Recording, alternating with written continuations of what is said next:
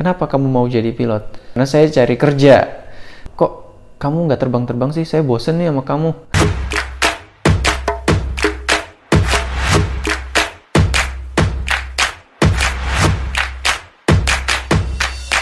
All break, stop transmitting, and this is your ITC speaking. Assalamualaikum warahmatullahi wabarakatuh Mate. Kembali lagi bersama saya Hani Permata dalam IATKA TV Nah IATKA TV ini punya satu program baru sekarang yaitu namanya Ngopi alias Ngobrolin Aviasi. Nah di Ngobrolin Aviasi ini kita bakal ngundang beberapa narasumber uh, maupun tokoh-tokoh di penerbangan Dan kita akan ngebahas seputar aviasi maupun berita-berita mengenai transportasi. Jadi pada episode kita yang pertama ini kita bakal ngundang seseorang yang udah terkenal nih. Seorang youtuber, influencer juga di sosial media dan seorang captain di salah satu maskapai yang terkenal di Indonesia. Ada yang tahu nggak? Dan ada yang bisa nebak kak? Kira-kira siapa narasumber kita kali ini? Pasti ada beberapa dari kita yang udah nggak asing lagi dengan sosok narasumber kita kali ini. Nah, Matt, sekarang kita sudah tersambung dengan Captain Rizka itu melalui Zoom video call. Halo Cap, Assalamualaikum. Apa kabar? Halo juga Mbak. Alhamdulillah saya baik. Apa kabar juga Mbak? Alhamdulillah selalu baik, ya. Cap, kalau boleh tahu sekarang lagi sibuk apa sih? Saat ini saya masih terbang, walaupun memang frekuensinya sangat berkurang ya karena masa pandemi COVID-19 ini. Jadi saya lebih banyak waktu di rumah bersama keluarga. Cap, mungkin kan ada beberapa dari kita yang belum tahu nih pengalaman Cap uh, dari mulai pendidikan sampai akhirnya jadi captain sekarang. Boleh nggak sedikit cerita? Pengalaman jadi pilot. Jadi awal ceritanya gini, saya di tahun 2004 itu daftar STPI Curug saat itu saya memilih D2 penerbang. Saya pilih itu karena program pendidikannya paling cepat 2 tahun, sementara program-program lain ada yang 3 tahun dan 4 tahun. Jadi saya juga awam saat itu ya. Nah, saat seleksi wawancara, saya ditanya, kenapa kamu mau jadi pilot?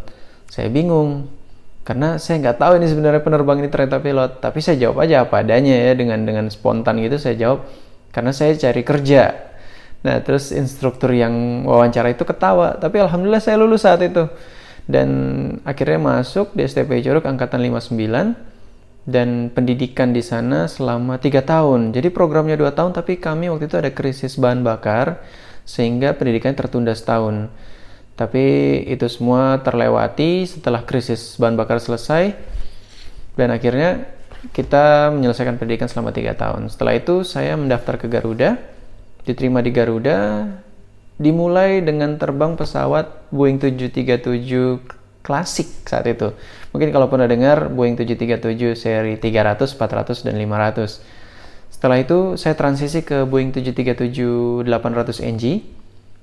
Lumayan lama saya di situ dan akhirnya saya menjadi kapten di pesawat itu. Setelah tiga tahun kapten di Boeing 737 NG, akhirnya saya transisi sampai sekarang ini saya terbang di Airbus 330. Dan alhamdulillah selama ini pekerjaan saya baik-baik saja dan tidak ada hambatan. Alhamdulillah. Ya nih, menurut Cap selama ini udah panjang kan perjalanan dari pendidikan, terus jadi uh, ngambil rating Boeing sampai akhirnya sekarang di Airbus 330.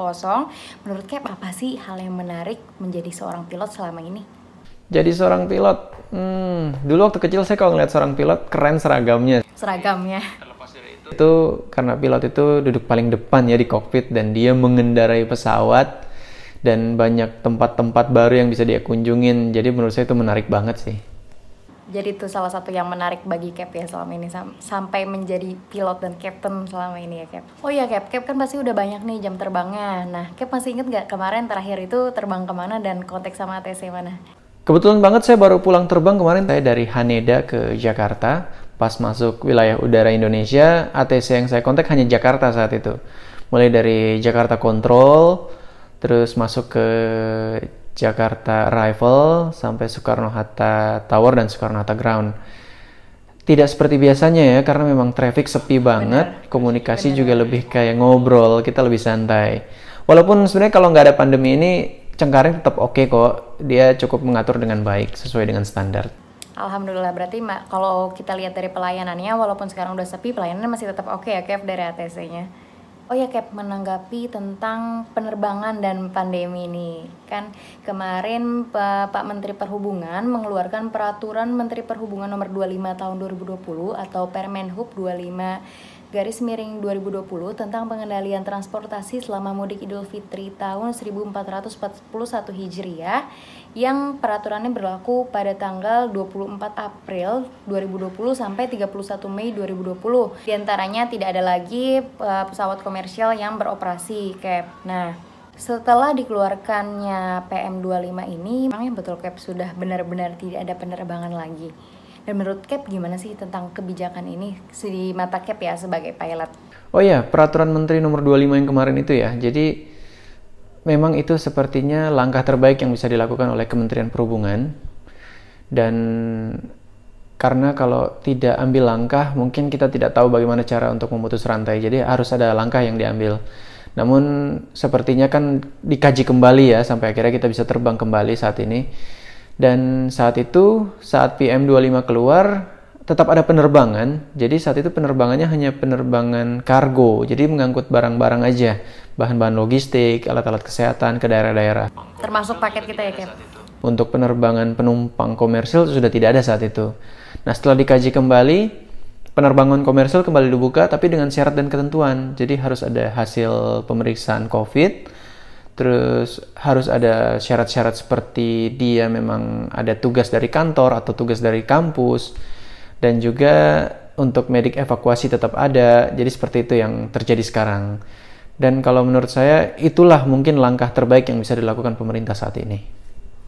Berarti sebenarnya penerbangan ini masih tetap berjalan ya Cap Cuman ada beberapa yang memang udah dibatasi Maupun personil yang mau berangkat itu harus memenuhi beberapa assessment Berarti kayak gitu ya Cap Berarti nggak benar-benar lock semua Termasuk kargo gitu Termasuk kargo ataupun yang benar-benar ada kepentingan masih bisa beroperasi ya Cap Seperti kita yang suka belanja online shop ini Paketnya itu masih bisa berjalan ya Cap Cuman mungkin untuk uh, khususnya orang-orang yang untuk mudik ini udah nggak bisa ya Cap karena sudah benar-benar penerbangan sangat dikurangi ya Cap.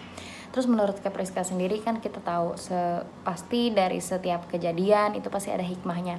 Apa sih Cap yang hikmah yang benar-benar Cap rasain sendiri dari wabah pandemi ini yang kita ngerasa negara kita di lockdown, adanya pengurangan penerbangan. Ini menurut Cap apa yang Cap rasain? Kalau kita bicara bisnis penerbangan, jelas ini sangat rugi karena konsumen maskapai adalah penumpang. Ketika maskapai tidak punya penumpang, jelas pasti maskapai akan merugi. Kalau kita bicara soal pandemi ini, kita lihat di seluruh dunia, semua maskapai saat ini sedang merugi dan saat ini seluruh maskapai banyak mengistirahatkan pilotnya. Termasuk saya di Garuda pun penerbangan hampir 90% hilang. Tapi kalau kita bicara hikmahnya, ada hikmah yaitu saya yang biasanya dalam satu minggu cuma satu hari atau dua hari ketemu keluarga, saat ini saya lebih banyak di rumah dan dalam satu minggu full, bahkan dua minggu, saya hampir dua minggu kemarin di rumah bersama anak istri. Jadi semuanya tentu ada hikmahnya dan ya kita berharap yang terbaik lah. Kalau keluarga Cap sendiri gimana nih Cap? Apakah anak-anak dan istri lebih senang papahnya di rumah? Apa papahnya ngantongin jam terbang yang banyak? Otomatis setelah banyak terbang nanti langsung bisa ngajak jalan-jalan lagi gitu kan Cap? Kalau keluarga Cap sendiri kayak gimana tanggapannya Cap?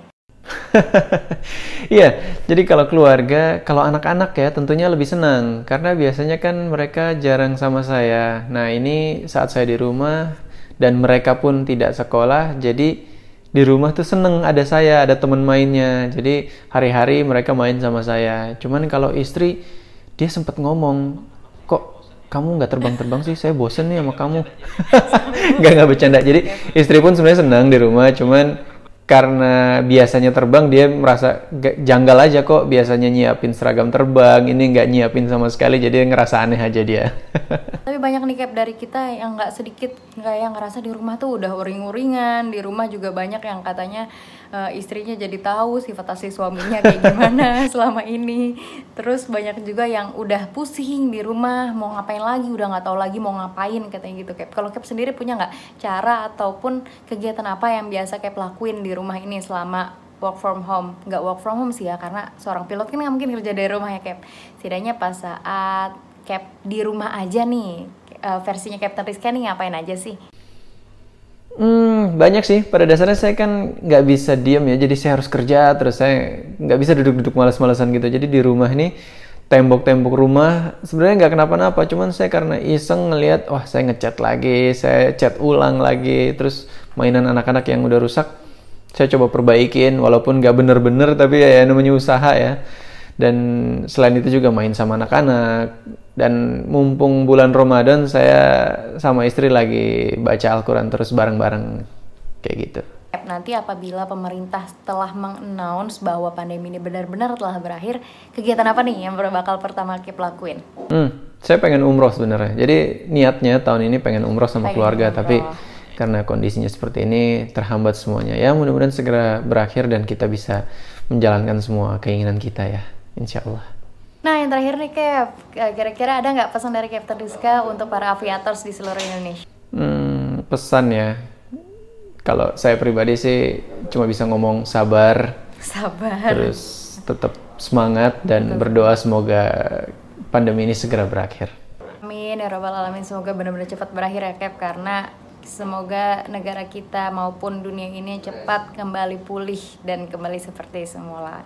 Terima kasih ya Kev atas waktu yang telah diberikan. Udah sharing-sharing nih banyak tentang hal-hal uh, dari pengalaman Captain maupun uh, cara-cara Captain Rizka untuk menanggapi pandemi ini selama di rumah aja dan dan menurunnya penerbangan di seluruh dunia. Semoga sehat selalu ya Kev. Salam untuk keluarga. Ya sama-sama Mbak. Terima kasih kembali. Semoga kita bisa ketemu di lain waktu.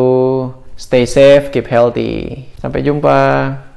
Nah begitu loh sedikit banyak uh, perbincangan kita dengan Captain Rizka. Yang bisa kita ambil adalah kita harus tetap sabar, tetap semangat. Dan untuk teman-teman yang misalnya udah mulai bingung nih mau di rumah aja ngapain aja bisa melakukan hal positif seperti membaca buku, terus bikin kerajinan tangan, terus main sama anak, sama istri kan, terus mungkin melakukan sesuatu kegiatan bareng misalnya kayak cover lagu bareng atau bikin video bareng, seru-seruan bareng apalagi sekarang lagi bulan Ramadan lagi bulan puasa bisa ningkatin ibadah bareng-bareng. Alhamdulillah bisa sama-sama ningkatin ibadah di rumah bersama keluarga. Karena di setiap kejadian itu pasti ada hikmahnya.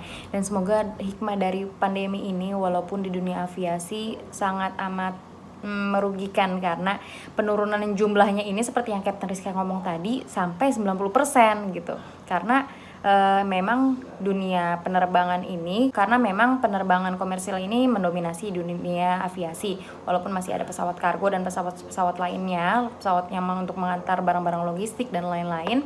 Dan ini memang sangat berpengaruh ya match pada uh, dunia penerbangan. Yang bisa kita lakukan adalah sekarang tetap berdoa semoga semuanya cepat pulih tetap jaga kesehatan dan keselamatan diri. See you on next episode teman-teman. Jangan lupa tetap jaga kesehatan cuci tangan dan tingkatkan ibadah selama bulan puasa ini. Sampai jumpa di episode selanjutnya